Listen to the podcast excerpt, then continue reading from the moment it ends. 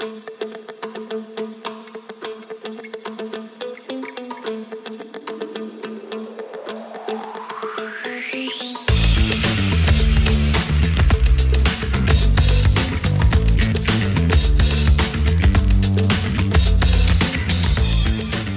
och välkomna till ännu ett avsnitt av Kompilator. Idag har vi med oss en tidigare gäst, Cecilia Virén. Välkommen tillbaka.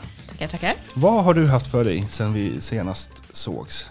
Ja, förutom att sitta och koda lite lösningar för kunder så har jag förberett mig för en dragning som jag ska ha på Devsam, det vill säga en session. Devsam är alltså konferensen i Stockholm 23-24 maj. Yes. Berätta, vad ska du prata om? Jag tänkte tala om HTTP Security Headers. Du ska alltså prata om säkerhet. Och säkerhet, det, det, det lite svarta fåret för utvecklare. Det, det, det, är ingen som tycker det är jätteroligt förutom de som tycker det är det roligaste de vet. Är det det roligaste du vet? Eller hur, hur kommer det sig att du ska prata om just det här? Ja, jag har ju också tyckt att säkerhet är lite sådär jobbigt och tråkigt en gång i tiden. Nu har jag ju jobbat med .NET sedan 2004 så nu är det dags att börja bry mig om säkerhet. Det är väl ungefär så jag började tänka. Och sen som allting annat så blir det ju roligare ju mer man lär sig. Och jag har en, en egenhet av att jag tycker att det är roligt att lära mig saker som andra tycker är svårt. Allt från eh, ja, kryptering, säkerhet, eh, reflection, eh, regular expression eller vad, vad det nu råkar grotta ner mig i, i .NET-världen för stunden så, så tycker jag, ja det här är svårt, det här måste jag knäcka och så bara yes, jag kan det, ingen annan kan det. Ish. så att, och lite där börjar det väl med, med säkerhet nu, nu också, att jag så här, vad fan, det är ingen som kan säkerhet och det är ingen som vill prata om säkerhet. Och vad, ska det verkligen vara så himla svårt? Och så har jag liksom börjat lära mig själv, så, så som vi utvecklare gör, ganska mycket. Och, och, det finns ju massa olika områden. Och det här med inloggning är ju liksom den, den mest eh, defaulta stället att börja med säkerhet. Jag tänker att jag undviker det och försöker hitta andra saker om säkerhet som man kan prata om. Då bland annat eh, security header som, som, som jag kommer att prata om. Eh, sårbarheten i open source eller hur hanterar man det i, i sin agil process och andra bitar, aspekter och säkerhet. För inloggning, det vet alla är viktigt. Alla vet att det är lite svårt, det finns lite färdiga framework, det finns folk som är duktiga på det. Så att jag låter andra sköta det och så försöker jag hitta lite andra saker. Och jag har fått det lite som min mission att jag ska få få er andra utvecklare att bli bättre på säkerhet. Det är en av mina missions som jag håller på med. Och det är bland annat då prata på, i en podd så här, eller på en konferens som, som är mitt mål. Så det är, mitt, det är vad jag brinner för just nu. Så att just nu är jag, tillhör jag nog några kategorierna som älskar säkerhet. Även om jag också kan zona ut när jag läser eller hör någonting och så kommer det en massa standarder hit och standarder dit och eh, termer som man bara, så. Men jag, jag, jag, är genuint intresserad. Jag börjar slaviskt att följa en hel del poddar och lite andra sådana spännande saker för att suga i mig, vara lite svamp. Det känns som att säkerhet har kommit mer och mer på tapeten på sistone. Dels har det varit ganska mycket läckor på sistone. Dels har folk som Troy Hunt fått upp det på kartan för massa utvecklare. Han har ju en tjänst som heter Have I been pwned? Eh, där man kan kolla, man kan mata in sin mailadress och så får man reda på precis vilka läckor ens mailadress och kontouppgifter har varit med i. Och det är, det är riktigt läskigt för det, jag var med i säkert fyra fem läckor. Har du provat att mata in din adress? Ja, det har jag ju. Jag är också med på massa läckor. Jag har ju då nu för tiden blivit helt paranoid på det här med säkerhet dessutom. och jag har då som en duktig användare unika, långa, krångliga lösenord på alla mina tjänster och alla mina tjänster som jag delar med min sambo. Jag skaffade ett eh, familjekonto på One Password så att eh, jag aldrig behöver komma ihåg varken lösenord eller mejladressen som jag använder för just den här tjänsten. Och jag behöver dessutom inte ha några nå enkla lösenord för de här delade tjänsterna som, som man har gått om hemma. Det är allt från diverse streamingtjänster till inloggningar för larm eller vad det nu kan vara som man, som man på något sätt måste dela med andra människor. Så att, eh, ja, jag är också med där, men eh, visst, det är inte lika kul att mejladressen är där. Då märker man ibland att man får lite så här intro trångs inloggningsförsök på diverse tjänster som man får, ja du försöker sätta ditt password. Bara, Nej, det håller jag inte på med. Men ingen fara för att jag har antingen bra lösenord eller flera faktorer för att logga in som gör att det liksom säkras upp. Men man blir lite nojig när det kommer den där notisen om att någon tycker att de ska resetta mitt lösenord. För man, man känner sig lite, det är, någon är där och bryter på dörren. Liksom. De kommer inte in, men de är där och försöker göra intrångsförsök i mitt liv. Liksom. Har du fått den där mejlen där de skickar ett gammalt användarnamn och lösenord som du har använt tidigare och så säger de att de vet att du har tittat på porr? Sätt in bitcoins här. Så. ja, jag är kanske inte targetgruppen, jag tror det är män som är mer. Men, och det är mycket möjligt att jag har fått dem, de har säkert hamnat i spamkorgen. Men jag har faktiskt inte sett, sett just de, mejlen. Men det finns mycket fula saker där ute. Och det man kan, det man kan göra liksom, det är ju att hjälpa eh, Eh, jag själv se till att hantera lösenord på ett bra sätt och hjälpa familj och vänner att också göra det. Men det, är en liten tröskel det där, liksom, att att, eh, för sina föräldrar eller sina otekniska vänner att försöka introducera dem i, i eh, en, en lösenordshanterare. För det, det, det, det, kan kännas lite bökigt och framförallt i början när det strular lite, man kanske inte fått in alla lösenord, liksom, hur, hur gör jag sådär. Men ja, det, det, behöver bli lite allmänt känt där. Det är ju bara, jag, jag, tror inte att det är någon annan utanför vår bransch som använder lösenordshanterare och det, det är lite synd. Och, eh, så men, men som sagt, det, det är en ökad det blir en mer och mer ökad säkerhetsmedvetenhet. Generellt så är ju ofta säkerheten så här, dolt krav i, i våran, våran, eh, vårat jobb tillsammans med lite andra saker. Vilket gör att det oftast kanske inte kommer med alls. För att beställarna förväntar sig att det självklart det ska vara säkerhet, men vi utvecklar bara, det är inte spesat och så blir det något moment 22 där. Så det är jättebra att det liksom höjs medvetenheten, att de här läckorna verkligen får medial, alltså det har varit mycket läckor förr, det läcker hela tiden, men att det får en medial uppmärksamhet och att också i och med det i och med GDPR och liknande, att man måste faktiskt gå ut med, med, med saker och ting, till, i alla fall till sina användare och tala om att du har varit med om i en läcka det är liksom all, allting, alla de här grejerna är liksom bra, men vi har en bra bit på väg. Alltså. Sen så har det ju ändrats också. Förut var ju säkerhet någonting som utvecklarna inte behövde tänka på, utan det, det, det var drift som, som hade ansvar för det. Men nu när, när det skiftar mer mot DevOps och, och man ska drifta sina egna grejer så, så måste man helt plötsligt börja tänka på det här. Och det är ju, det är ju en, en, ett helt annat tankesätt än vad man är van vid.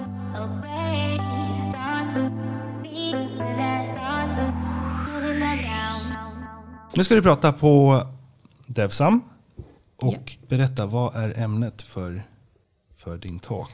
Ja, jag har då kallat det för, jag kommer inte ihåg hela talket, men det, man skriver så mycket abstrakt och förslag hela tiden så man kommer inte ihåg. Men jag tror att den heter Ad Security med HTTP Security Headers eller någonting liknande. Så att HTTP Security Headers är väl egentligen ett lite påhittat begrepp. Eh, HTTP Headers finns det något som heter. Och bland de som finns så kan man då klassa några som Security Headers. Och det är de eh, som jag tänkte prata om. Och en, en, en HTTP Header, man kan förklara så här att om användaren sitter med sin webbläsare skriver in en adress så skickas det iväg något som man brukar kalla för en HTTP request, det vill säga vilken sida man ska ladda om det är en sida man har skrivit in. Men vi säger så. Och den går vidare till servern och servern letar upp rätt på sidan, kör sin kod för, för att generera sidan, hämtar filen eller whatsoever. Och så skickar den tillbaka det. Och, och det gör den då i ett eh, HTTP-respons. Och i HTTP-responsen så har den en HTTP-respons headers. Och det är bland de headers som vi kan ha ett gäng som, är, ehm, som har med säkerhet att göra. Och de här eh, HTTP responsheaderna, de läses av webbläsaren. Så att det är direktiv för webbläsaren om hur den ska göra eller bete sig helt enkelt. Några icke security-relaterade rakt av, det är så här datum skickas med, eh, vi har vilket content type, det vill säga vad är det för innehåll? Är det en sida eller är det en fil som webbläsaren ska ladda ner istället? Eller, eller är det ett skript som, som håller på att läsas in på sidan? Eller vad, vad är det för någonting? Cookien ligger där och liksom sådana saker. Så, så det är information till webbläsaren som inte har med det du ser att göra egentligen kan man säga. Och då kan man då tala om med lite olika headers eh, hur man vill hantera lite olika säkerhetsissues egentligen. Så att har man en lite äldre webbläsare är inte det så bra, för då kanske inte den stödjer de här eh, security headerna. Så, att, så och det är ju en av de här grejerna, att, att hålla en uppdaterad webbläsare är ju den, en av de vanligaste orsakerna till säkerhetsproblem, att man har en gammal webbläsare. Och här är en, en av orsakerna, det är att man inte kan få hjälp med eh, hem, ja, liksom responsen för hur hemsidan borde bete sig och inte ta hänsyn till, till någonting som kanske någon annan har lagt in på hemsidan eller liknande. Hur utbredd är användningen av dessa säkerhetsheaders? Ja, det, det finns lite studier på det där. Bland annat en snubbe som heter Scott Helm. Som han är väldigt, han, är, han har gjort sig till eh, security headers guru. Han driver bland annat securityheaders.com där man själv kan, kan testa sin sida och se vilka man har och vilka man saknar och lite sådana saker. Och så får man en klassning som man lite, det är lite gamification, så här, man får A-klass eller så om man F. Och så här, hur, hur illa eller bra det är. Och eh, han gör två gånger per år så tar han Alexa Top 1 million. Eh, det är väl alltså de eh, en miljon högsta, liksom mest använda webbsidorna kan man säga. Han gör en studie på dem, han har en crawler och lite sånt där. Och så gör han då analys på vilka header som finns och även, han gör lite andra grejer samtidigt, man kollar på hur många som använder HTTPS och sådana saker. Och, och, det ser man till exempel tydligt att det går upp. Och det beror väl antagligen på att till exempel Chrome eh, har hjälpt till att enforca det ganska mycket. Så att, så att eh, vi utvecklare har blivit aware of, of eh, jag har fått från flera kunder som bara, ah, vi måste fixa HTTPS här och lite, och GDPR är ju också ett krav på HTTPS. Så, att, så att, och det ser man tydligt att det går, går väldigt mycket uppåt.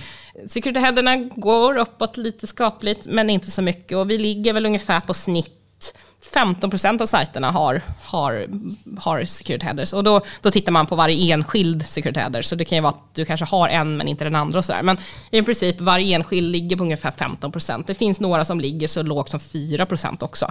Men, men ungefär där. Så det, och det, jag tycker det är lite förvånande. Även om jag själv inte brytt mig så mycket om säkerhet tidigare så, så tycker jag att det låter ju väldigt lågt. För det är en sån enkel sak som bara som ger säkerhet.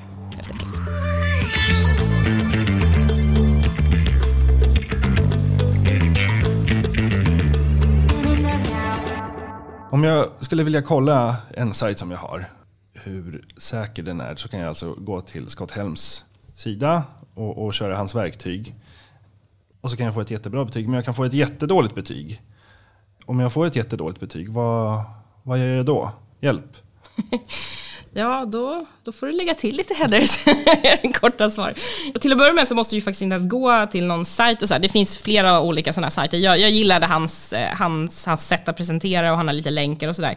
Men du, du, det räcker egentligen att gå in, liksom, trycka F12 och gå in i dina developer tools så kan du kolla på ett respons från en sida och själv titta vad du har spesat och sådär.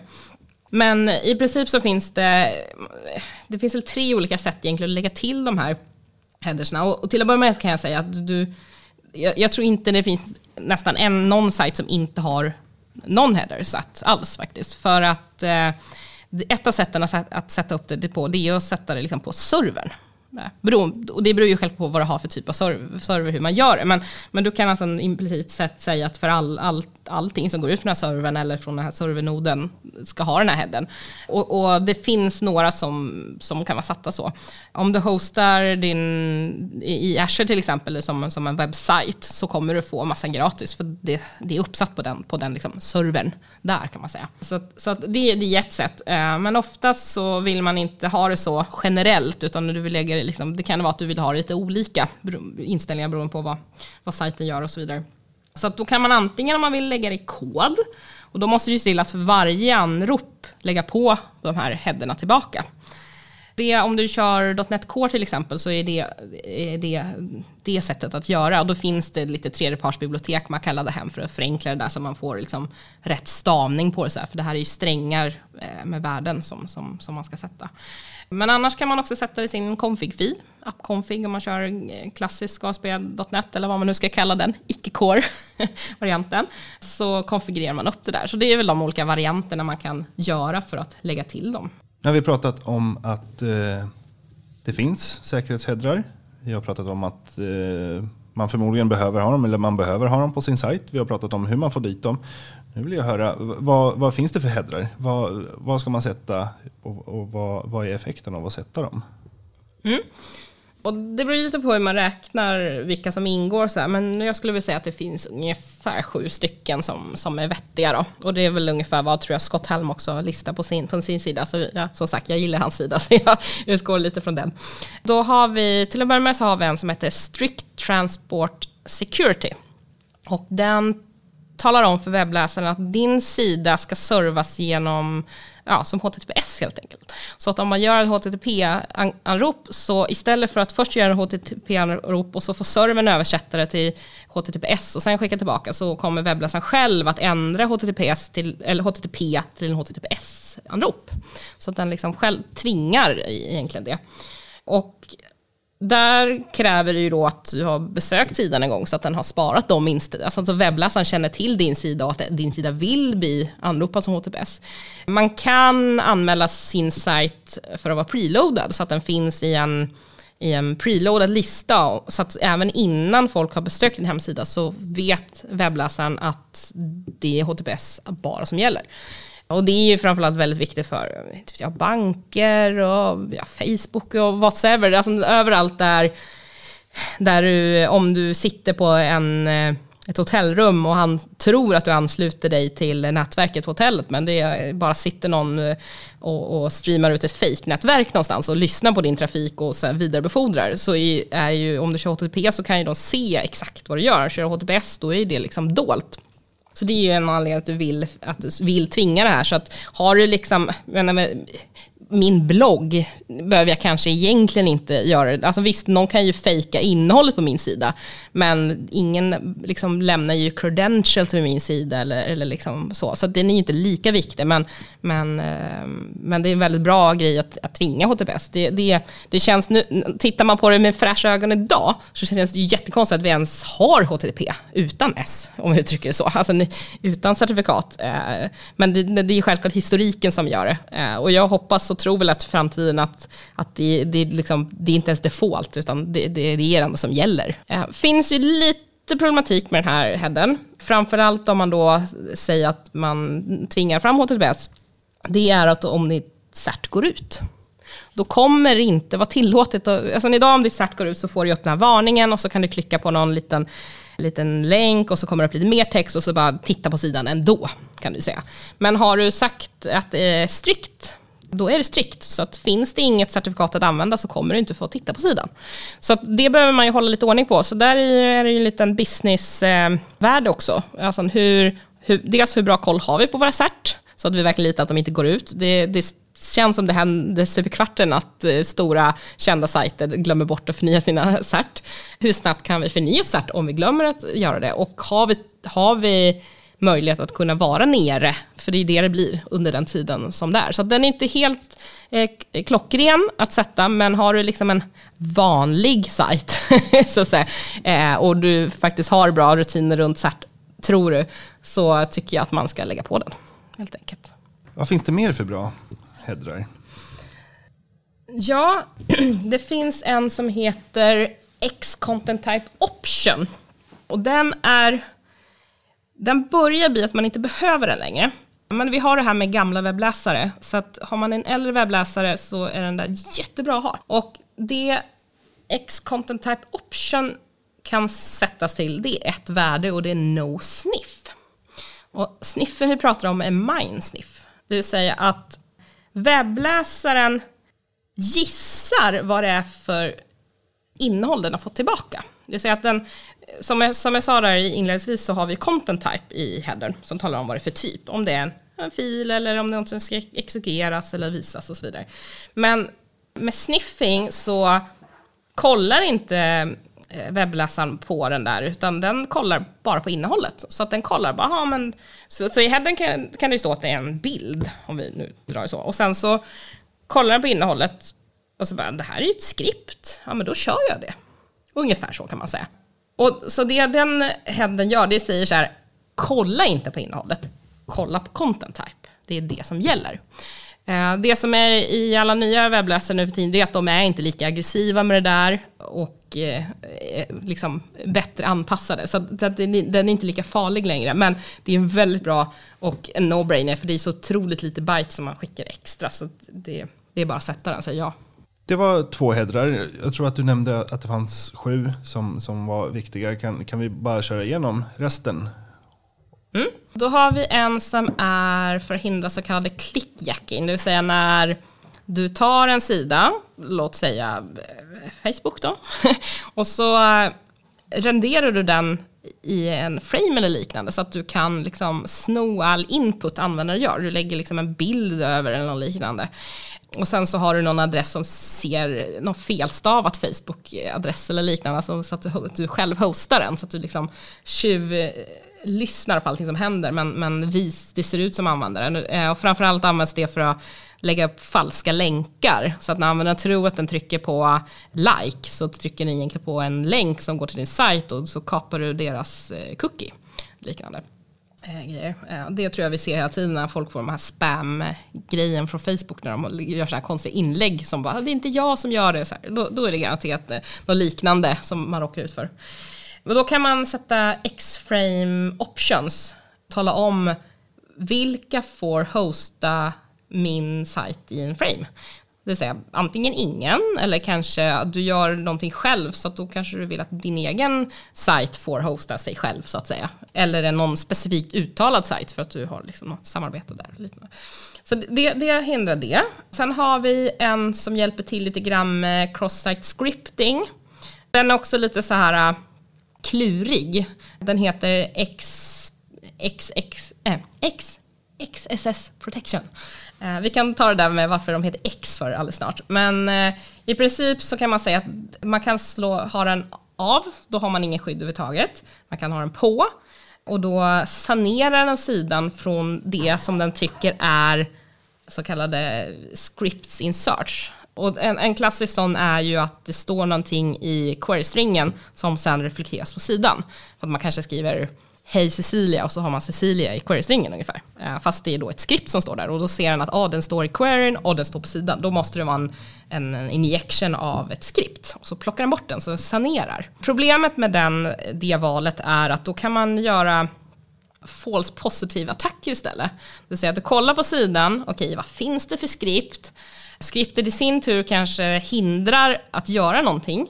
Du sätter in ett skript i URLen som inte ska vara där, som är exakt samma skript som står nere i, i, i sidan och kommer från webbläsaren och plockar bort skriptet. Och sen så kan du skicka det till någon. Alltså om du gör det på din egen sajt, eller när du själv besöker sidan så vet du, då kan du plocka bort koden på andra sätt också. Men det farliga blir om du skickar den här URLen till någon då som kommer att klicka och sen så har, har den plockat bort ett skript på sidan som, som är tanken att det ska köras. Eh, som blir det farliga. Så att då kan man lägga till att man vill eh, blocka istället också. Så att om det kommer in en sån där, eh, då kommer inte sidan ens renderas. Så det blir liksom stopp. Och tyvärr så är defaultbeteendet i webbläsaren är oftast bara sanera. Så att oftast, ska man, vill man inte ha den där så är det bättre att slå av den. Eller slå på den med block. Slår man av den så finns det eh, andra security headers som man, som man kan använda. Och den heter Content Security Policy där man kan säga policyn för för, för skript och liknande. Alltså det är varifrån får skript komma? Varifrån får styles komma? Varifrån får bilder och fonter och liknande komma? Så kan man spesa, då kan man inte få in innehåll från andra ställen och liknande saker.